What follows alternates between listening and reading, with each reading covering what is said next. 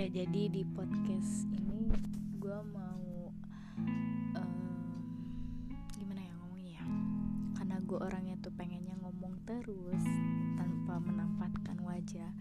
Mungkin eh, gue bisa kali ya bikin podcast gitu.